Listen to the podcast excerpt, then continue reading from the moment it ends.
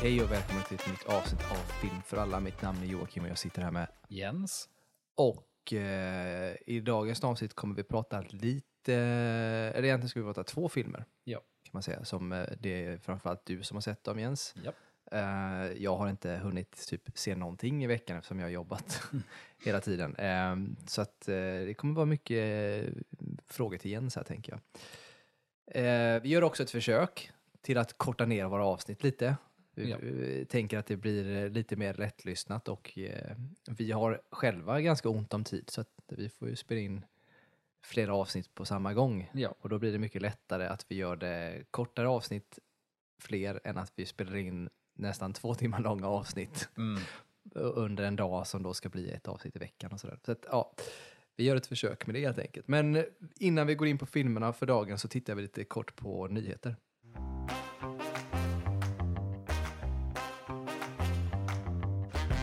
Ja, och eh, nyheter kan man egentligen säga att eh, den sorgliga nyheten nådde oss att Michael Gambon har eh, gått bort. Ja.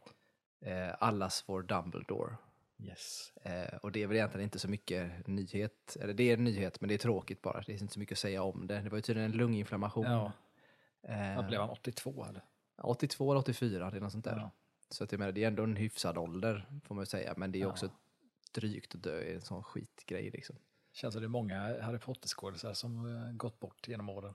Ja, det finns ju en sån där, man tänker att du vet, även under inspelningen dog ju folk. Alltså Ja. när de höll på att spela in de här Ja. yngre, som det var någon som fick en kniv på en krog, han fick ja, stoppa ett bråk och det vart, det vart lite sådana saker som man undrar nästan om det finns någon typ av curse i filmen. Ja. Sen en lunginflammation på en 82-åring kanske inte är så mycket curse i och för sig. Nej, det är nog inte så. Eh, och sen har vi ju å andra sidan så har vi ju då McGonagall som fortfarande lever. Och hon är Ja, ju gammal kan hon lastgammal. Hon måste vara jättegammal det. Ja.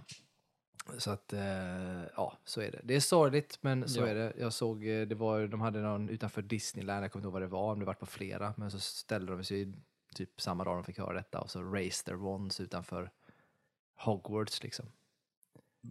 På Disneyland? Ja, eller vad det nu var. Ja, men det var Disneyland, eller något sånt där. Ja. Det finns Jag någon... tänkte på, men, Hog- eller är det inte Universal som har eh, de här eh, Harry Potter eh, theme parks? Jag har ingen aning. Men det här, kan, alltså det här var för jag såg bara att det var på något Disneyland och jag vet inte om det var för att ehm, Men det kanske är Disney kanske har det, jag vet inte, de kanske har någon. Jag har ingen aning. Jag vet bara att det här var på Disneyland och det, de var där och raised their wands framför något som såg ut som Hogwarts. Men det var kanske inte Hogwarts, det kanske var något helt annat. Men Ja. hur som Ja. helst, man har varit på theme parks, flera har varit där och raised their wands. Och det är Precis lite fint. filmen. Och det är ändå lite fint. Ja, det fint. Det tycker jag ändå är så. Jag fick lite rysningar liksom, för det är lite coolt. Så är det. Men vi lämnar Michael Gambon, May he rest in peace. Den eh, andra nyheten, eller den som är den stora nyheten egentligen, är ju att manusstrejken är över. Ja.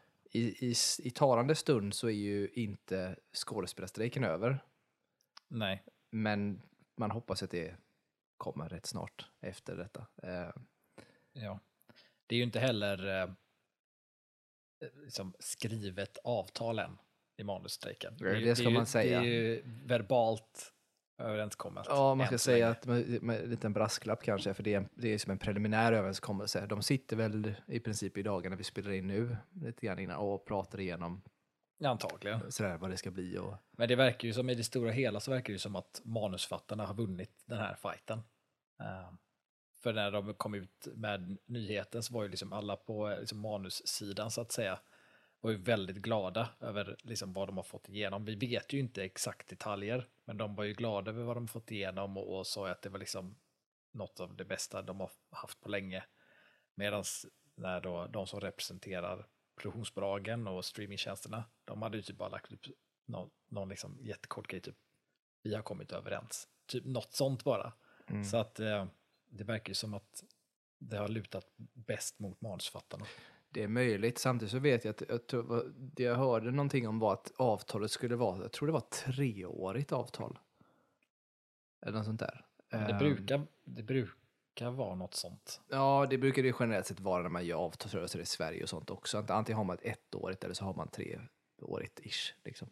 Ehm, det enda som jag kan bli lite liksom undrande, för de blev jätteglada. Det var ju så här slut på liksom, ChatGPT-manus och du vet, så här Mm. saker, det här hörde man. Ehm, det som jag blir lite, om man nu ska vara lite konspiratorisk, att de ändå ganska snabbt bara la sig platt från produktionsbolagen Ja. gör att jag tänker på att det finns en snuskig plan där bak någonstans, att om tre år så Ja, har säkert. AI kommit så Ja, långt till exempel. Och de under de här åren kommer lyckas få in du vet, eh, liksom, eh, manus på något sätt. Eller, eller har någonting i det här avtalet som gör att de har vissa rättigheter till manusen och kan lägga in det i program som gör att de sen... Alltså, Ja, någonting, någonting, ja. känns lurigt med det hela när det blir sådär. Så att eh, jag... eh, För med tanke på hur det lät från produktionsbolagen från början och sen typ helt tyst i princip från Mm. dem till att helt plötsligt bara okej vi går med på de här och det är ganska bra. Mm. Då blir man ju lite orolig. Jag hoppas att jag har fel men man blir orolig. Eller så kanske de började märka, för det är ju folk, folk som har pengar vill ju sällan förlora pengar och vill ju bara ha mer och mer. De kanske började bli lite skitnödiga över hur mycket pengar de faktiskt förlorade Ja. med manus och skådisstrejken Ja, nej, men så, så eh, kan det ju absolut vara, tänker jag. Ehm, och att det handlar inte bara om det, det handlar också om, det har jag tänkt på så många gånger, det är skådisar som går ut och strejkar och, och pratar, men även manusförfattare och allt möjligt. Men de har ju varit ganska tuffa många gånger och sagt saker som så jag tänker mig ändå att det är så mycket relationer som jag tänker skadas i det, eh, Ja. från båda håll. Ja, Och, ju längre du drar ut på det, desto svårare blir det att ta tillbaka allt och liksom starta om. ja, Så att eh, man får väl se hur det går. Det kanske är någon och annan skådis där ute, eh, typ Sean Gunn, som han får inga jobb igen, förutom för James då kanske. ja, det är väl typ där han jobbar ändå för det mesta. Ja, det är väl det. Så att så. Men eh, jag tänker på att han har ju inte fått några pengar från Gilmore Girls till exempel, när den har streamats som fan på Netflix. Ja. Vilket är, alltså även om inte han har en stor roll så kan man ju tycka att en liten peng borde han ju få. Men han får i princip ingenting. Nej. Ja, något jag, jag hoppas ju att eh, alltså båda, båda manusgilden där då, eller eh, och även skådespelarfacket där, att de båda två ändå tar lite lärdom av situationen som uppstod kring detta. För att eh, typ ett annat exempel var ju eh, regissörsfacket i USA. Det, det var ju inte några problem och de fick ju igenom en deal liksom innan avtal var slut och sånt jättesmidigt. Och jag läste en intervju med de som liksom står för då regissörerna och då hade ju de typ, alltså när det var halva tiden kvar av kontraktet eller avtalen hade de börjat diskussioner med eh, producenternas grej. Så att de hade liksom fått liksom igenom allt det de ville få igenom för att de började tidigt. Jag vet att manusförfattarna och skådespelarfacken där, de började sina diskussioner supersent. Vilket hade då förmodligen kunnat kringgå om man hade börjat lite tidigare. Så att förhoppningsvis börjar de väl snacka tidigare nästa gång. Mm. Ja, det kan man verkligen hoppas. Ja, nej men det är väl bra att den är löst i alla fall. Det innebär ju att många produktioner och sånt kan ju starta och färdigställas och sådär. Ehm, det är många som startar mitt i. Jag måste ju bara ta upp eh, det här som blev som en fruktansvärd eh, nyhet för min del. Eh, som kan vara det värsta som kan hända utifrån denna, denna lösning egentligen. Det var ju det att det ryktas ju nu då ganska bestämt att det ska rebootas The Office. Och jag, jag blir bara trött. Alltså jag, jag vet inte, jag, det, det är så, för mig, det är så, The Office för mig är heligt. Du kan inte reboota The Office. Och, det- och jag är så här, det beror på vad de gör. Mm, För ska de reboota hela idén, alltså köra typ att du har Michael Scott och Jim Ja, och ja. Pam. Nej, jag ser ju liksom inte hur, det kommer liksom inte vara, det, det går bara inte. Nej, jag alltså, får liksom jag, inte ut jag Gör de någonting lite- annat, fine. Men Jag undrar lite vad de menar, för att, eh, om de verkligen menar reboot eller inte. För jag vet, typ Frasier-serien, det ska ju komma en eh, ny där. Mm. Och den kallar de ju för reboot när den presenterades. Men det är ju Mm. ingen reboot, det är ju bara en fortsättning. ja, det är ju en, en sequel eller vad man Ja, ska säga. egentligen är det Ja. det, men de kallar det för reboot. Så Ja. att det kan ju vara på det sättet också, att de kallar det för reboot. Sen så en sak som gjorde mig också lite fundersam kring var ju att det var ju eh, original-showrunnern från amerikanska The Greg Office Daniels. som ska göra detta. Ja. Och då har jag ju svårt att se att han skulle vara intresserad av att bara så här, vi gör om allt. Det, Nej, Nej och, precis, och det är det som är det luriga när jag läser om det också, för det står liksom ingen annanstans om det, men på ett ställe så står det ändå så att, ja, för er som inte vet, och det här vet ju vi om, men kanske inte andra, så var ju så här, Parks and Rec till exempel började ju som skulle vara en spin-off, spin-off, ja. till The Office. Eh, och det var också på väg att bli en spin-off med Dwight. Det märker man i typ sista säsongen, Ja. när hans familj och dessa br- bror och syster presenteras in. det är ju ett avsnitt som är en smygpilot. Ja, precis, till den, men som inte blev någonting Nej. av då. Och det är jag väldigt glad för. Eh, Ja. så. Eh, men det jag hoppas, om det är en reboot, för när man läser om det som en reboot så tänker jag, hoppas verkligen inte det. Gör de en ren reboot, det är det sämsta någonsin, jag kommer bli förbannad. Men det som är intressant är om det är en reboot på Alltså att man kan leka med metatanken, för att i, i The Office så är det ju de här produktionsbolaget då, om det är PBS eller vad fan det är som går runt och Ja. filmar dem, så har de den här liksom Ameri- The Office and American Workplace. Och det som spinner vidare på det och det är liksom samma produktionsbolag som ska göra liksom en ny Ja. variant någonstans. Ja. Det kan man väl absolut tänka sig, för då blir det ju som, som en sequel till, Ja. till eller en spin-off eller vad man ska säga. Det mest som hade varit det mest roliga är ju att om du gör det, för det första så måste det bli bra. Mm. Och grejen att det tror jag är jävligt svårt. För Ja. det har ju som gjorts en gång och jag ser ju mer risken att det kommer bli som de sista kanske två säsongerna i The Office än vad det kommer vara första säsongen och andra och tredje. Ja. Där det känns lite mer skriptat, lite mer otroligt många gånger och sådär. Eh, men det går ju kanske att lösa ändå, så jag tror inte att det kommer bli riktigt lika bra kanske. Men, men det jag hade önskat om de gör en sån, det är ju att man hade att de gör det snyggt att ta in de gamla skådisarna ja. på något sätt. Alltså inte alla verkligen, behöver de inte ha inne, men det hade ju varit kul med lite liksom flörtar till det gamla The Office. För gör de det, då kommer jag vara helt såld. Kan jag säga. Om de lyckas binda ihop det snyggt. Och det, ska, det får inte vara krystat, utan det Nej, får liksom nej. vara någonting. Jag, hade, jag har ju alltid velat se jag hade velat se Jim och Pam, jag hade velat se hur det är när Dwight sköter liksom själva liksom Dunder Mifflin eh, liksom branschen. Jag är jättenyfiken på hur Michael Scott har det. Ehm, så att jag menar, jag hade Ja. ju kunnat se någonting som bara är spin-offs på dem, rent krasst. Ja, alltså det hade ju varit kul. Alltså det hade varit kul om man hade gjort något sånt koncept av att det, där, det är PBS som typ gör en sån här, så här look back eller typ så här, vi ser vart de tog vägen stil och så är, är liksom avsnitten handlar om om de olika, liksom vart de har tagit vägen lite grann. Ehm, men det har jag också svårt att se att det skulle liksom kunna bli en fortsättande serie. Jag tror att gör de en reboot eller liksom gör en ny Office så vill de ju att den ska gå i några år. Liksom. Mm. Ehm, men ja, alltså jag vet inte. Men jag tänker det, men det beror också på var man är någonstans. För det som hade varit intressant är också beror på vad det är för typ av företag. Ett Ja. paper company kommer nog inte funka idag. Det var ju, på, det var ju utdöende i första säsongen på Ja. The Office i princip. Ja. Och liksom, hur håller de sig levande? Så det måste ju vara någonting annat. Men jag, jag tänker också att det finns ju de här möjligheterna till att, att alltså PBS och sånt där ändå, eftersom de har produktionen, bjuder dit gäster eller ser till att de som jobbar på det här företaget tar dit en från original American Workplace som kommer dit. Andy Bernard är ju en klassiker som hade passat till att göra sånt gästspel Ja, till exempel. Ehm, och även fler. Det var ju dessutom på gång för, kan det vara två eller tre år sedan, så var det ju på gång att komma en spin-off med Stanley. alltså. Som han själv drev som kampanj, att han, skulle, göra- han hade en Kickstarter. Och Jaha. den kom ganska långt. Sen så blev den sänkt av rasistiska as i princip. Ehm, som var inne och trollade massa så blev det ingenting av det. Och hela The Office-casten gick ju emot detta och som var liksom, inte emot Stanley utan Nej, nej. emot eh, de som höll på och försöker stötta. Men det, det gick inte vägen, tyvärr. Men det hade varit, jag tror inte att det hade varit su- superbra som gått i flera säsonger. Men Nej. det hade varit kul att se typ en liten så här miniserie med Stanleys liv. Ja, men det var kul att se miniserier av typ alla dem.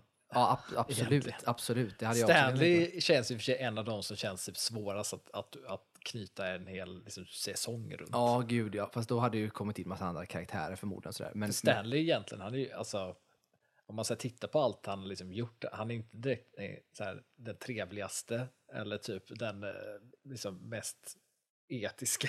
För den Nej, för samtidigt så är han ju den som på många sätt är så sjukt intressant också om man Ja. tittar på. Han växer ju verkligen de senaste säsongerna. Så Ja. Han börjar som tråkig, bara sitter och gör ingenting och sen så har han lite attityd, sen plötsligt så har, är han den som har, han har kvinnor överallt och du vet sådana saker. Och, och sen just när han sitter på sin, sitt hem nere i Florida och täljer fåglar eh, Ja. på sin veranda. Men jag tycker att det är så fantastiskt. Jag hade jättegärna sett det. Men jag hade gärna sett en, en sån här antologi, sån här miniserie. Exakt, miniserie, så en säsong då vi typ har, man har kanske två avsnitt per typ grupp man följer. Så här, man följer två avsnitt med typ Michael, vad han gör.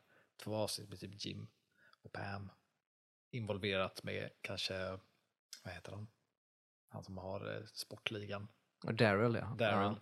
Och så typ har man några avsnitt med Dwight på. Nej, men jag, nej, ja, jag tänker också det, kanske inte ens två, jag kan tänka ett avsnitt per, liksom, om det skulle vara så. Eh, det hade liksom kanske räckt att man bara får en liten inblick så. Man hade ju kunnat ta ett avsnitt med Michael, ett avsnitt med Jim Pam och Daryl-delen och sen kanske ett, eh, ett eller två avsnitt där man liksom buntar ihop några av dem när man följer på något sätt och sådär. Ja. För det finns ju ändå roliga saker hur det slutar. Jim och Pam drar till, till Austin och, och ska jobba med Daryl typ. Och vad Pam gör vet vi ju inte. Nej, men det, är ju, det är ju en del frågetecken när serien ja, slutar. och Michael har ju flyttat och fått barn och grejer där Ja. uppe och Dwight är ju kvar och har sitt barn liksom där. Kevin äger en eh, restaurang, en bar. bar, Eh, sådär. Och det finns ju dessutom rykten som kommit efter, eller rykten, det finns lore som säger efteråt, det här är lite halv, det är ju ingenting som är riktigt canon, men det sägs ju då att Kevin egentligen är eh, superintelligent. Alltså att han har jättehög IQ. Han är ju den dummaste av alla man kan tycka, men det sägs ju att han, Men han, har ju, han är ju svinduktig med matte när det gäller... eh, han kan räkna kakor eller, och pajer. sånt, ja. pajer är det Han han behöver vara motiverad. Ja, och det sägs ju då att han istället för att han är så är han egentligen super liksom, smart då. Och, ja. Men man får väl se vart det tar vägen. Jag är eh, hur som helst beroende på vad de gör. Så det är så här, lite med förskräckelse jag läste att de ska göra en reboot av The Office. För att det beror alldeles på hur de gör det. Ja. Eh, och så där. Men eh, vi får se. Den som lever Se. får se, tänker Ja. jag. Men eh, det är väl nyheterna för idag. Vi går eh, rappt vidare till filmerna då. Och då är det ju egentligen två filmer som du eh, ska ta upp här. Yes. Så då får du välja vilken du vill börja med. Eh, jag börjar med den eh, lite mer lättsamma. Som är en eh, ny Netflix-film baserad på en bok. Och boken heter The Statistical Probability of Finding Love at First Sight. Vilket är en väldigt lång titel. Väldigt lång. Ehm, och den, alltså, på, på svenska så heter den ju liksom direkt översatt lika långt på Netflix, men på IMDB så får man söka på antingen svenska titeln eller Love at First Sight så får man upp den. Jag sökte på hela engelska titeln och då fick man inte upp den av någon anledning, jättekonstigt. Men det är ju en ny eh, Netflix-film som sagt då, som är eh, alltså en romcom typ. Mm. Eh, men ändå inte lit, lite mer lutad mot drama än komedi skulle jag ändå säga.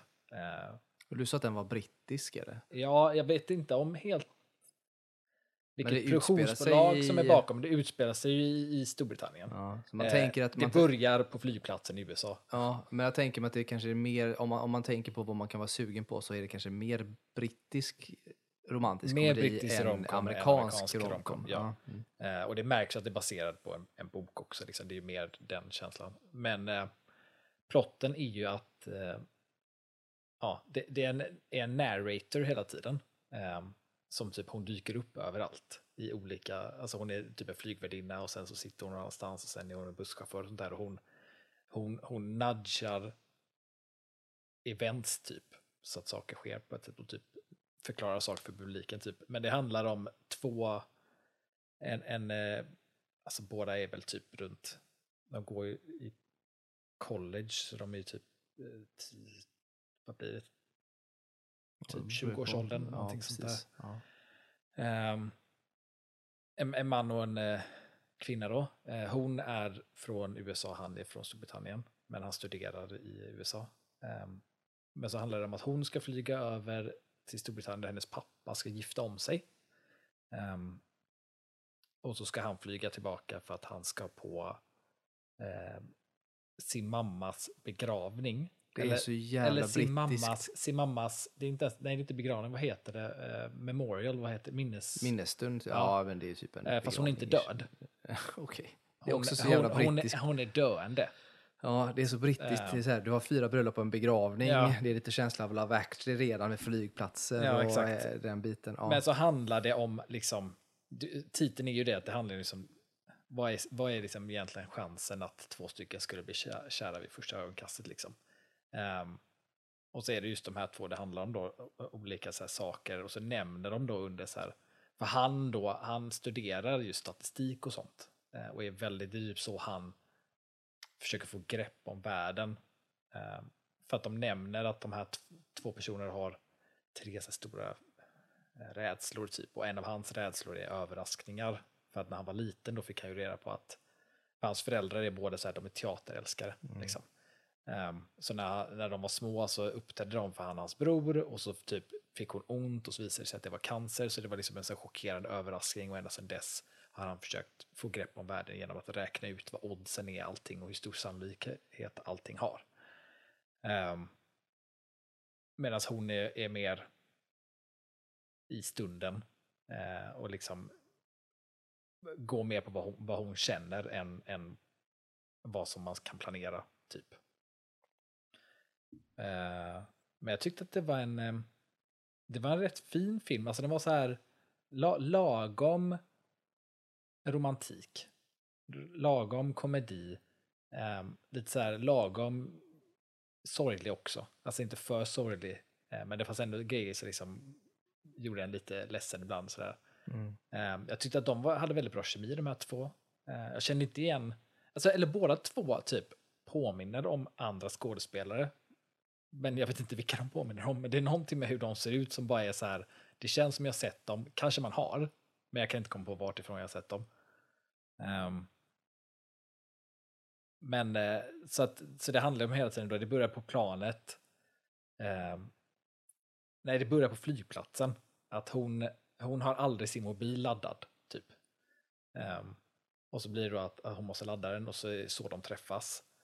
Och så pågår det så hela tiden att, att det är saker som händer som är så här att, typ som när de är på flygplanet så säger hon i början, den här narratorn då, att, att de här två kommer bli kära eh, under den här sju timmars flighten eller vad det är.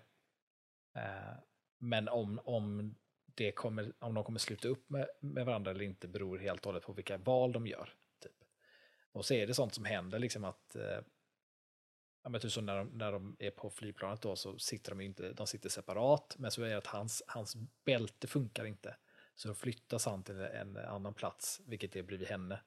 Eh, och sen när de lämnar eh, flygplanet och är i Storbritannien så behöver de gå i separata köer då för att han har brittiskt pass och hon har ju amerikanskt. Så då ger han sitt nummer, men precis när han gör det och går iväg så liksom tappar hon sin telefon så att den, hon kan inte skicka sitt nummer till honom. Och den vill ju inte ladda för hon är laddare och så ska hon iväg bråttom till sin farsas bröllop. Och så är det liksom sådana saker hela tiden som är sådana här, det kunde gått annorlunda. Men det blir liksom, de nudgas åt rätt håll av den här narraten, vem det nu är då. Um, samtidigt som de också faktiskt gör, som hon säger, att de behöver också göra rätt val. För att det, det är en stor, eller det blir två separata eftersom båda gör ett val. Men det finns två tillfällen då, då de behöver göra liksom aktiva val att faktiskt typ hitta varandra igen. Eh, Medan andra gånger så är det lite mer slump. Mm. Men jag tyckte att det var en rätt fin film. Eh, bra. så här skön, skön så här kvällsfilm att se om man bara liksom vill skratta lite och bli lite ledsen men också få lite hopp. Eh. Mm. Den var bra. Ja, faktiskt. tittar man på vem, Bättre än vad jag trodde det skulle vara. ja, alltså tittar man på vem regissören är här, Vanessa, Vanessa Caswell, så har hon gjort eh, bland annat eh, filmen 13, Magpie och eh, Little Women från 2017. 13, är det den tonårsfilmen eller? Med Ja, två eh, tjejer. Ja, jag vet inte, det var den jag tänkte på också, men Nej, 13 är någon form av miniserie, så det är inte den 13 Nej, okej. som vi tänker på. För den det, 13 det, som vi det, tänker det hade på, tänkt, då hade det varit väldigt annorlunda. Ja, film. för den 13 som vi tänker på, den är ju äldre ja. och dessutom ganska obehaglig. ja, exakt. Det är väldigt Det här annorlunda. känns ju annat. Sen är det då huvudrollen som spelas av Hailey Lou Richardson då och hon har ju varit med, eh, man kollade på det nu lite snabbt, så det man kan känna igen från den senaste säsongen av White Lotus. Ja, det har jag inte jag sett. Tydligen. Nej, men där är hon ifrån. Och sen är det ju huvudrollen, killen då, han, det är ju Mm. Ben Hardy. Eh, och han har ju spelat Angel i X-Men. Därför jag känner igen honom. Ja, precis. Och så spelar han dessutom i, han spelar i Six Underground också som är en sån, men k- kommer knappt ihåg vilka det är som är där. Men han är också med i Bohemian Rhapsody. Eh, där han Ja! spelar Roger Taylor då. Ja, just det. Ja. Oj, vad, oj, han ser jätteannorlunda ut. Ja, verkligen. Så, eh, så är det. Men det är ändå det är lite de man känner igen. Och sen så finns det när jag tittade på, på rolllistan fler man lite grann känner igen då. Den är inte så lång heller, en och en halv timme. Det är ändå rätt lagom tycker jag för en Ja. sån typ av film. Ja, men det var faktiskt en bra, bra längd på den faktiskt. Mm. Det var det. Eh, känns väldigt liksom bok, bokig i sin struktur. Mm. Men det också tror jag har att göra mycket med att de använder den här berättarrösten då hela tiden. Mm. Ja, det är klart det gör. Och berättarrösten, hon som spelar henne, känner man igen från eh, Hulk, alltså Incredible Hulk. Ja, vad heter hon? Attorney at Law, Hulken, eh, tjejen, Hulken, She-Hulk heter det. Ja, just det. Hon i den, är det hon som spelar den eh, andra starka ja, kvinnan där? precis. Ja. För jag vet, hon var, hon var väl med i... eh, Det jag kände igen henne från är en serie som jag inte har sett mer än bara något enstaka. Det är väl den här, vad heter den, The Good Place eller sånt där. Eh, som handlar om så här efter, ja, efter man just dött. det, med Ted Danson med Ted. Danson, ja. ja. Där är jag för mig att jag kände igen henne ifrån. Eh, Så eh, kan det säkert vara. Men det är så här, om man- om man, gill, om man gillar typ så här Love actually, typ den typen av brittiska romcom-filmer, så kommer man gilla den här eh, Love at first sight. Mm. Om du ska sätta betyg på den då? Eh, den får en... Mm, den får en eh, sexa. Ja, Det är ändå rätt bra får man säga. Det låter Ja. som någonting jag skulle vilja se, den måste jag nog se. Tänker jag, jag som är lite svag för romcoms och Ja, framförallt ja. brittiska som är lite sådär Ja. charmiga. ja. Nästa film du har på agendan då, vad har vi då? Nästa film är eh, en, lite, en lite tyngre film. ehm, som tog mig fem år innan jag tittade på den. Såg den eh, igår.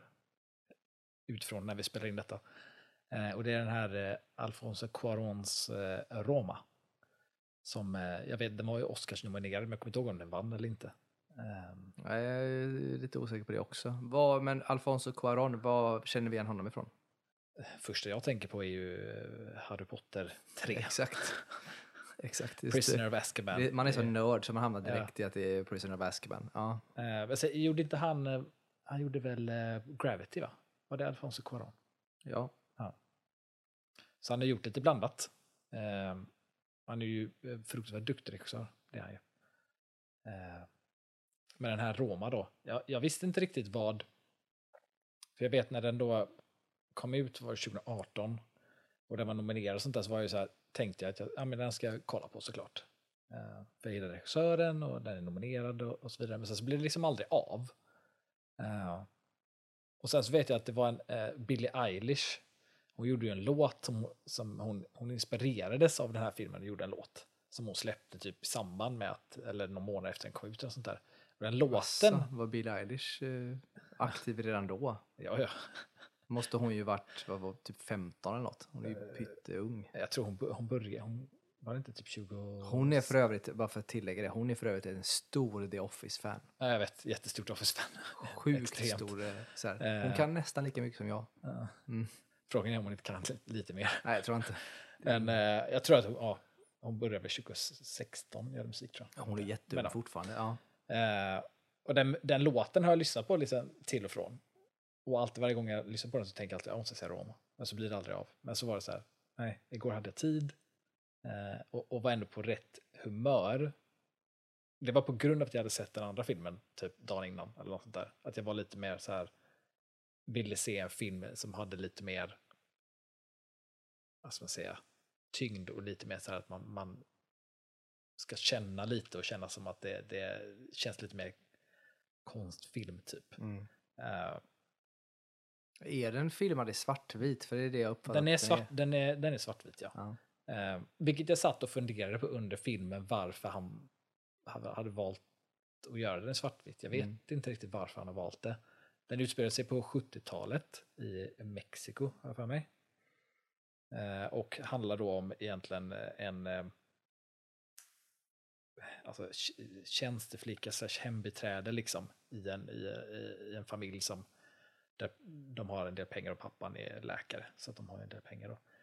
Men där är ju det är också intressant i början av filmen så står det eh, en text som står där att eh, mexikanska språket är översatt med vit text och sen ett annat språk som är ett inhemskt eh, sydamerikanskt då an- antar från native americans Mm, då mm. antagligen. Eh, jag kommer inte ihåg vad språket hette nu, att det är också översatt fast då i parenteser så att han har ju velat göra en poäng i att skilja, skilja språken åt. Eh, men all, all annan språk är inte översatt stod det. Men det enda andra språket jag reagerade på var med var engelska. Liksom. Mm. Ehm, förutom någon liten så låt någonstans. För att det är en familj med som heter Larsson. När de har så här nyårsfest. Är det ABBA då? Nej, jag kunde inte. Alltså, du vet, det blir så här konstigt. Om man tittar på en film på engelska så hör man någon som pratar svenska. Så tar det ibland tid för hjärnan att fatta typ att Ja, det var framförallt om det är svenska. massa andra språk också. Ja. Så jag vet inte ens. Då var det en blond snubbe som liksom tog av sig. Men han var också klädd. Han var klädd, för det här var ungefär då jul slash nyår. Och han var klädd typ som Krampus. Ehm, och jag är inte säker på om han var Larsson eller inte, men han var blond. Liksom. Så att det var så, jag vet inte. Det gärna var, fler, tysk, det var fler familjer med. Han kan lika gärna vara tysk. Han kunde vara Ja. tysk. Och det var lite så att han sjöng en låt där det brann, typ, det började brinna i skogen och alla var jättefulla och så ställde han sig upp och sjöng. Och jag försökte lyssna, jag kunde inte höra vad för språk det var, om det var tyska eller svenska eller norska eller vad det kunde ha varit. Nej, alltså baserat Någonting. på det du säger nu så låter det som att det är typiskt danskar. Ja. Så jag säger att det är en dansk. Kan- kan ha. Ja. Eh, men det handlar om det här eh, hembiträdet då. Och hon är ju då, vad ska man säga, familjen hon jobbar för är ju liksom, vad ska man säga, traditionella mexikanare då. Ursprung, Ja, ursprung från Spanien. Någon typ av medelklassfamilj, sådär, övre medelklass. Ja, eh, och medan hon då är ju från ja, native americans mer, Mm, för hon är mm. från någon by. Så. Men det är hon och så är det, det är en till som jobbar i samma hem. Men de bor ju där och jobbar där och tar hand om barnen och så vidare. Fyra barn tror jag de har. Eh, men så man följer i stort sett henne då, den här Cleo som hon kallas. Ehm, och hennes liksom existens i i, i, liksom sammanhanget av liksom att, att leva i den familjen, hur hon blir behandlad i samhället och så vidare. Ehm, jag tyckte att det var en rätt, det var en rätt bra film. Ehm, det är mycket så här, jag kan tänka mig att det är en, en väldigt bra film att typ ha med så här i, om man typ studerar film. Det finns mycket i olika lager, man kan säga vad vill regissören liksom poängtera. Um, dels är det liksom så här um, det svåra med att då såklart vara någon form av andrahandsklass person liksom i ett samhälle. Uh, att liksom, man märker, det är inte så att jag tycker att i, i, i kontexten av den familjen i alla fall, det är inte så att jag tycker att de på något sätt är så här extremt elaka mot henne och sånt där. Men det är lite att att, att de bara förväntar sig att hon är där och ska göra saker, liksom att, att de inte riktigt alltid värderar henne lika högt som de värderar andra. Typ. Nej, men hon blir väl som en, alltså som en möbel typ tänker jag. Ja, alltså, men- man, man typ tänker att det alltid ska vara där och, och det är inte nödvändigtvis att man är elak men det blir ju någon form av Alltså man som människa känns nästan transparent Ja, som en tjänstefolk på det sättet och det kan man ju förstå. Det kan Eh, jag känna av i mitt jobb idag. ja. No, no, no offense. Men, men att där är det liksom, eh, det beror lite på också vilka det är i familjen. Det är främst pappan är ju sån tycker jag då, mot henne, att han är väldigt så här, men han är också, han, han, han och, och mamman i familjen de liksom skiljer sig under filmens gång, så att han, är liksom, han vill inte vara där alls heller. Um, och sen så är det dels då liksom hur det är att vara kvinna i samhället också. Och, och då är det liksom inte bara kvinna utifrån då Cleos perspektiv, utan det är liksom som kvinna i allmänhet typ. För att där är det, det är lite så den här mamman i familjen knyter an till Cleo då, att, att det, det är det de har liksom gemensamt, liksom svårigheten av att hantera saker som kvinna. För att då glöms, speciellt då i kontext till 70-talet, att det förväntas att man ska liksom göra allt och, och klara allt och, och, och, finnas där. Men sen så händer saker som gör att det, det går ut över en och så vidare. Eh, så det är väl lite det som binder mamman och Cleo. Eh, sen är det ju barnen. Eh, och där märker man ju då att, att hon Cleo, hon har, ju väldigt, hon har ju kärlek för alla barnen. Hon tycker om barnen väldigt mycket. Och de tycker om henne väldigt mycket. Speciellt de två yngre. De är ju väldigt, man märker liksom, hon, hon är ju typ deras alltså, mamma på många sätt egentligen. För det är hon som tar hand om dem. Mm. Liksom. Ja, det är ju inte ovanligt jag säga i sådana liksom, sammanhang. Tänker jag. Fast i, för svensk del får vi nästan gå tillbaka kanske hundra år tillbaka i tiden för att ja. man ska hitta motsvarande. Eller i och för sig 70-talet och eh, liksom, överklassfamiljer kan nog till viss del fortfarande ha det lite så. Mm. Uh, men sen i samband med allt det där då så är det ju den stora saken som händer henne privat då är ju att hon blir gravid, Cleo då, samtidigt. Eh, med en, eh, det är hennes, vad blir det då, hennes, hennes väns pojkväns kusin är pappan till hennes barn. Eh, och han är ju typ, alltså han är ju bara sjuk i huvudet. Eh, för, första introduktionen man har av honom förutom att man ser att de typ bara eh, träffar upp varandra vid en, en, bio, det är att han är helt naken och typ gör kampsportsgrejer framför henne. Och, liksom, och, och, och vill visa hur cool han är. Typ. Vad är karaktären heter då? Fermin. Fermin. Ah, okay. um, och han, han, ja, han pratar om att, liksom att han, han är skyldig kampsport sitt liv. Eh, för att han är på med droger och drack mycket och sånt. Så att så hittade han kampsport. Så att han har ju det då. Men så när hon, när hon då, det är så hemsk scen, för de är på bio och så berättar hon att hennes mens är sen. Eh, och så reagerar han jättebra. Alltså han är så här, han, han typ reagerar inte alls först nästan och så är hon så här typ lite förvånad och så typ säger men det, här, det är väl bra liksom. Och hon bara, ja, är, är det typ så här. Eh, och så är filmen på väg att ta slut och så typ är han sån här bara, eh, jag behöver bara gå på toa. Så här, och hon bara, ja men filmen är snart slut, han bara, jag behöver gå nu. Och så går han och så kommer han aldrig tillbaka. Eh, vilket är ju hemskt. Eh, så hon blir då ansvarig och så blir det ju då att hon ska hantera liksom sitt liv i sig och sitt eget liv och allting. Mm. Så här. Det är inte jättesuperfokus på hennes graviditet egentligen så att, typ att det är jobbigt. Det är mer att hon är lite nervös över att säga det till sin till mamman då, sin mm. chef där och sådär. Eh, men hon tar det ju, hon är ju väldigt, hon tar det ju bra, trots att hon är liksom i kaos med skilsmässan och allt det där. Eh, försöker hjälpa henne så gott hon kan. Och det är också så här, deras eh, hustrun eller mammans mamma bor ju också där.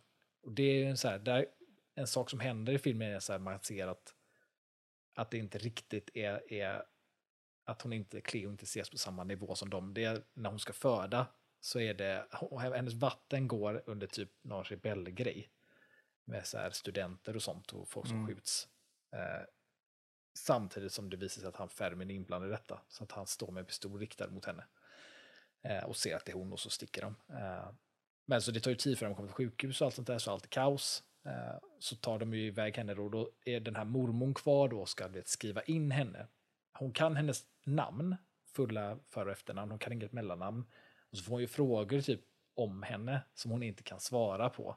Och det visar ju så här att det är ju inte jättedjup connection med det här hembiträdet och mormon då, men mormon bryr sig ändå om henne, men det är ju rätt ytligt bryr sig om. Lite mer som att man behöver ta hand om någonting som tar hand om en själv, typ. Alltså, det är det, det som är det viktiga, kanske så att, att hon, Cleo måste må bra så att hon kan ta hand om dem, typ eh, ibland, i vissa stunder. Samtidigt som det ibland också känns som att det är så ärligt det kan vara från den här mormors perspektiv också. Eh. Ja, men det där är ju det där är ju så klassiskt just hur man ser på tjänstemän. Om man tar Downton Abbey som exempel. Mm. Du har upstairs och du har downstairs-folket. Ja. Och även om man kan tycka att de är jättegulliga mot dem och de bryr sig kanske inte väl mycket om de downstairs-folket. Men det där är ju inte ovanligt att man just har det på precis det där sättet. att tjänstefolket, det var ju lite grann liksom överklassade, de som har dem. Det är deras uppdrag att ta hand om sina så gott de kan. Ja. Eh, för att man, man gör det med de sämre ställda. Men också för att de ska ta hand om dem och så Ja. vidare. Då, va? Och det blir ju verkligen ingen djupare connection mer än att man har typ nästan som ett kastsystem. Man är född in i det här livet och man finner sig i det och Ja. alla får finna sig i sina positioner på något sätt. Och Ja. Det är ju ändå lite intressant att se, tänker jag. Eh, Sen, eh, sen är det ju, alltså det är vissa stunder i filmen, alltså jag tycker i helhet så är filmen, det är väldigt mycket så här man bara följer någon i stort sett.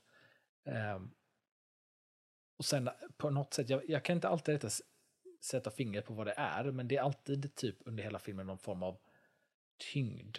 Alltså så här, det känns som att det, det är någonting som man sitter och väntar på typ. Eh, som att man förväntar sig att det ska hända någonting extremt typ. Och det händer saker hela tiden. Men det är liksom, det, det är inte den här typiska dramaturgin som man är van vid. Det känns som att man har det med sig, att man säger att snart kommer någonting i den här akten. Men det, det händer inte på det sättet som man tänker sig kanske att det ska göra. Och det tror jag också har att göra med att det är ju, mexikansk film är ju, är ju inte samma som liksom, nordamerikansk film på det sättet. Eh, strukturen är ju lite annorlunda och sånt där. Så att, eh, det är ju dels det. Sen tror jag att, att regissören vill just att det ska bara vara så här, man följer någons existens. Man typ. fokuserar, ja, men fokuserar mer på just det existentiella och, Ja. och vardagsliv kanske, Exakt. mer än det klassiska, du vet, point of no return, Ja. turning pointen och sådär. Utan, ja, Och, och det är ju väldigt mycket mer också, alltså på samma sätt som, som jag tycker Guillermo del Toro gör saker bra ibland, det här med att vet, det, det är någonting större som händer, men kontexten vi ser är, är väldigt enskilt privat i det Mm, stora hela. Jag tycker det är samma sak i den här filmen Roma, för det är ju saker, jag har ingen aning vad det är. De här rebellen och studenterna och det här, jag har ingen aning vad det var under 70-talet. Men det finns där.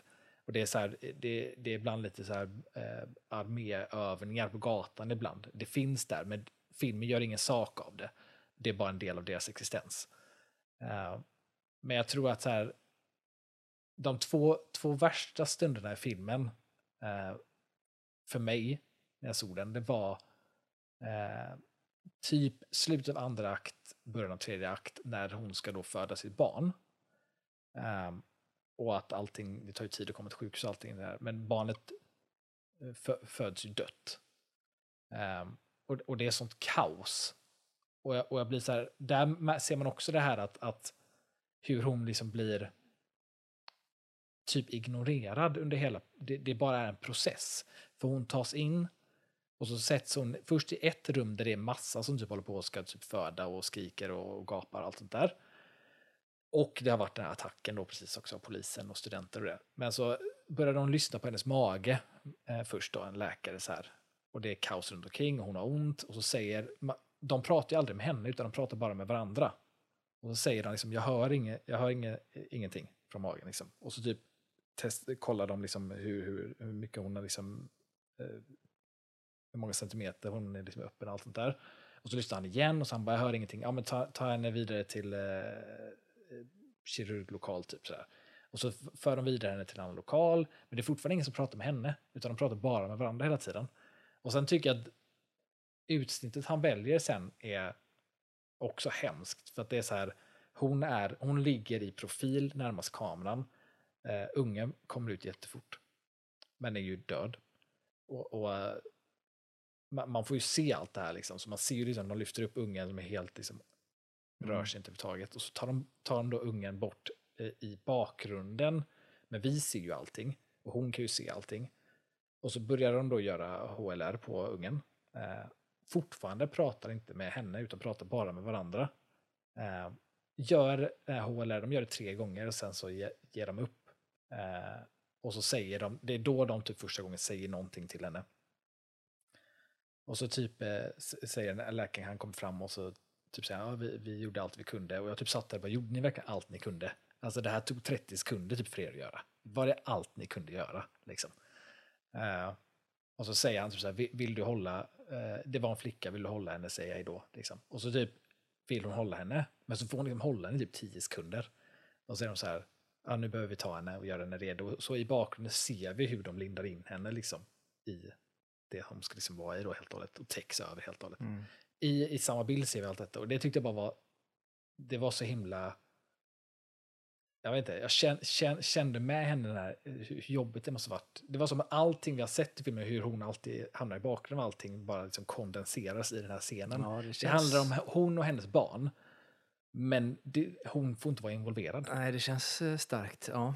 Så det var en väldigt stark scen. Eh, som också sen blir ännu starkare för att vi får heller inte direkt följa någon form av så här sorgprocess i detta heller hos henne. Hon mår, hon mår ju dåligt såklart efter det. Men sen så är det då att mamman eh, kommer med typ en ny bil eh, för att de ska åka iväg med barnen för att pappan ska komma och hämta saker. Eh, och så ska hon då under den här lilla resan berätta för barnen att de ska skilja sig och så vidare. Men då bjuder de med Cleo eh, och så poängterar mamman att så här, ni får inte be henne jobba för hon är ledig. Mm. Liksom. Eh, så att det är ändå så att mamman bryr sig, hon vet ju vad hon har gått igenom. Hon vill liksom försöka vara snäll. Cleo lite motvilligt hänger med. Eh, men så är det då att de, det händer grejer där. Men så är de... Det är nästan den sista scenen då i filmen. I alla fall den sista sekvensen, eh, stora sekvensen. Det är att de är på stranden och badar. Cleo kan inte simma. Vilket de har nämnt. Och så är det då att det, det är bara så här, jag blir så här frustrerad när jag såg eh, den scenen. För att då är det att de är på stranden och så säger mamman att de ska liksom gå in då. Eh, så mamman går, är det två barn som hänger med, men de, två av de andra barnen, nej tre av de andra barnen vill vara kvar och bada lite till. Och så säger hon liksom, ja men ni får inte, ni får inte bada först säger mamman. Och så säger hon bara, ja men bara nära stranden, Så hon bara, okej nära stranden. Men kom ihåg, Cleo kan inte simma, så nära stranden liksom. Och så får man ju så här, ah, det här känns ju inte bra, att de poängterar detta liksom. Ehm, och så går, går mamman iväg med ett, den äldsta ungen tror jag det. Ehm, och så går Cleo med den yngsta ungen och torkar av honom så här vid ett ställe de har. Mm. Medan två av de andra ungarna håller på och badar och sånt. Men så ser man ju bara då Cleo, den här lilla ungen, och så ser man att hon tittar hela tiden ut mot vattnet liksom. eh, Efter de här och börjar ropa på honom att komma närmare, men liksom de, de ropar inte tillbaka. och sånt där. Så börjar hon då gå mot vattnet liksom. Så går hon ut och ser man när hon närmar sig vattnet har det blivit mycket större vågor och liksom kraftigare vågor. Och så i det här så är det liksom svårt att se vart barnen är. Och hon liksom ropar på dem och sånt där. Och vi vet hon kan inte simma, men hon går ju ut i vattnet liksom och kommer högre och högre upp, liksom. Upp typ till hakan. Eh, den här Cleo, hon är väldigt kort också. Liksom. Eh, men så blir man, alltså jag satt ju på spänn och bara fuck, nu händer, alltså antingen dör barnen eller så dör hon, eller vad händer liksom. Men så ser man då till slut att en av ungarna så här kommer med vattnet så hon får tag på dem och så får hon tag på andra ungen liksom och så, och så liksom kommer de närma sig närmare så kommer en våg och så närmar sig och så drar liksom, det dras ut på man blir så här, oh, shit har någon dött eller inte?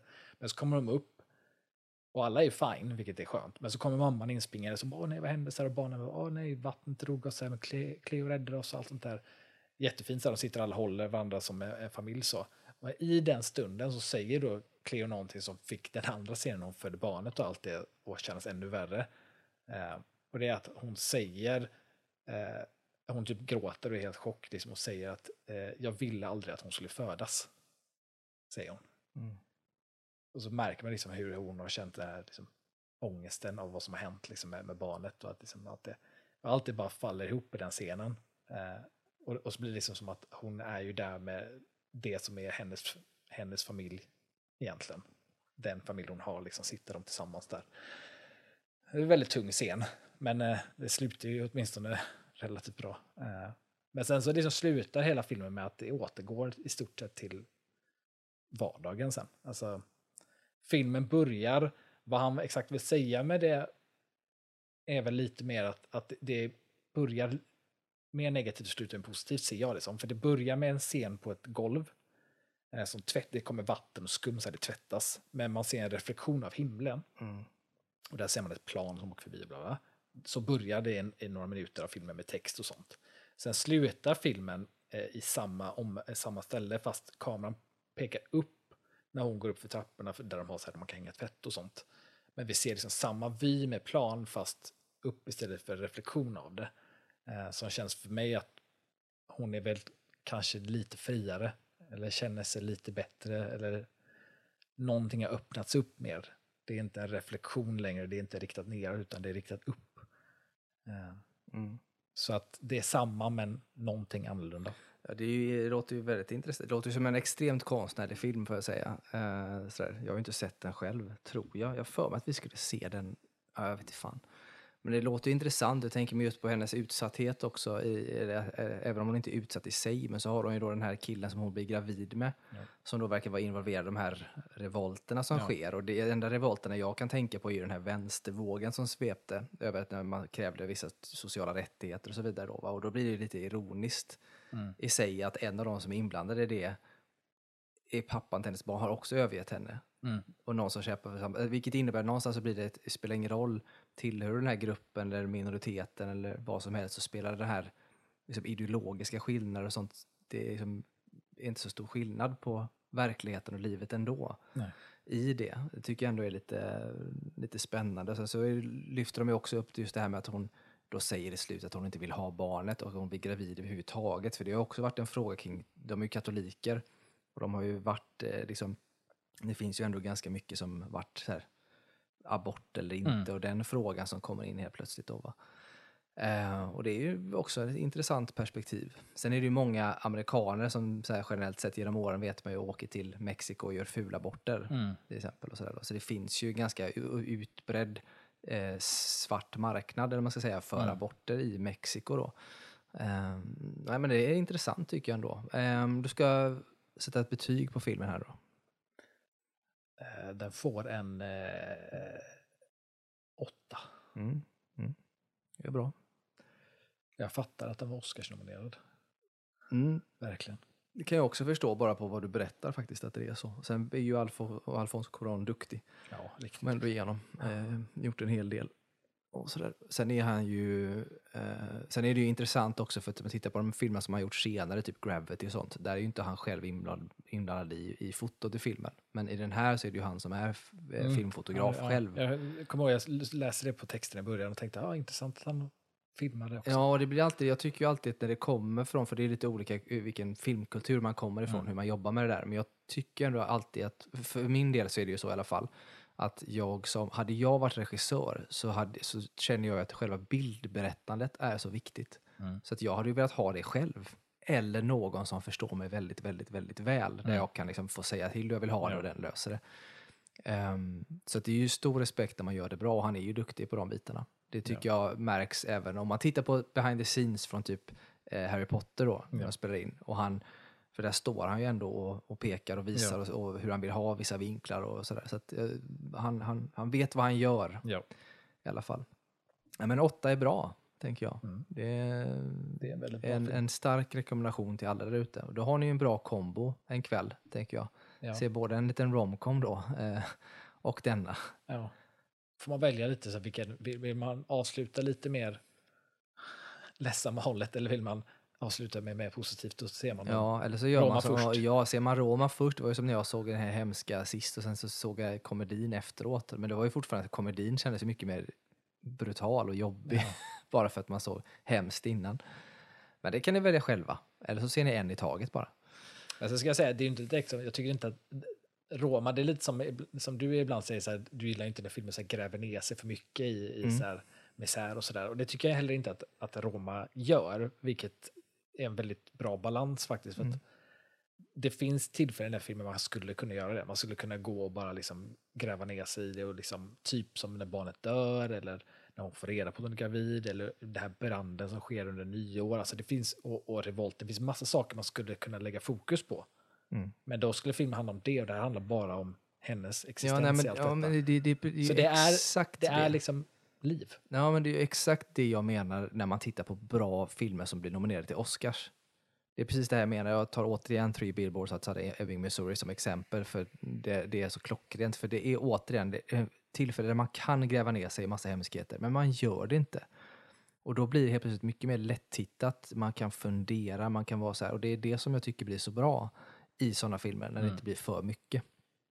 Eh, och det kan man också prata om Ruben Östlunds senaste film. Det är också en sån, det finns chans att gräva ner sig i små saker, Mm. men det känns som att det bara ligger under ytan, man liksom inte riktigt är där. Så det är den här blandningen av att hålla det tillräckligt ytligt som ger människor en chans att själva få tänka Mm. och, och ha en viss anspänning. Och när man vill bara grotta ner sig fullständigt i det och få människor att må dåligt då, som jag tycker. Och det gillar inte jag. Ja men kul, Ja. Kul. Eh, det får väl bli allt för detta avsnitt, tänker jag. Yes. Eh, och det börjar väl bli dags för, vi lägger ut lite då och då det här med att ni kan skicka in filmer som vi ska titta på och prata om. Det kommer komma flera sådana tillfällen nu så att eh, lägg in det, det ni som eh, ser det, bara in och, och skriv en film. Eller för all del, kommer inte på någon bra film utan vill ha en serie vi ska ta istället, så gör det. Så vi se vad vi kan göra åt det. Ja.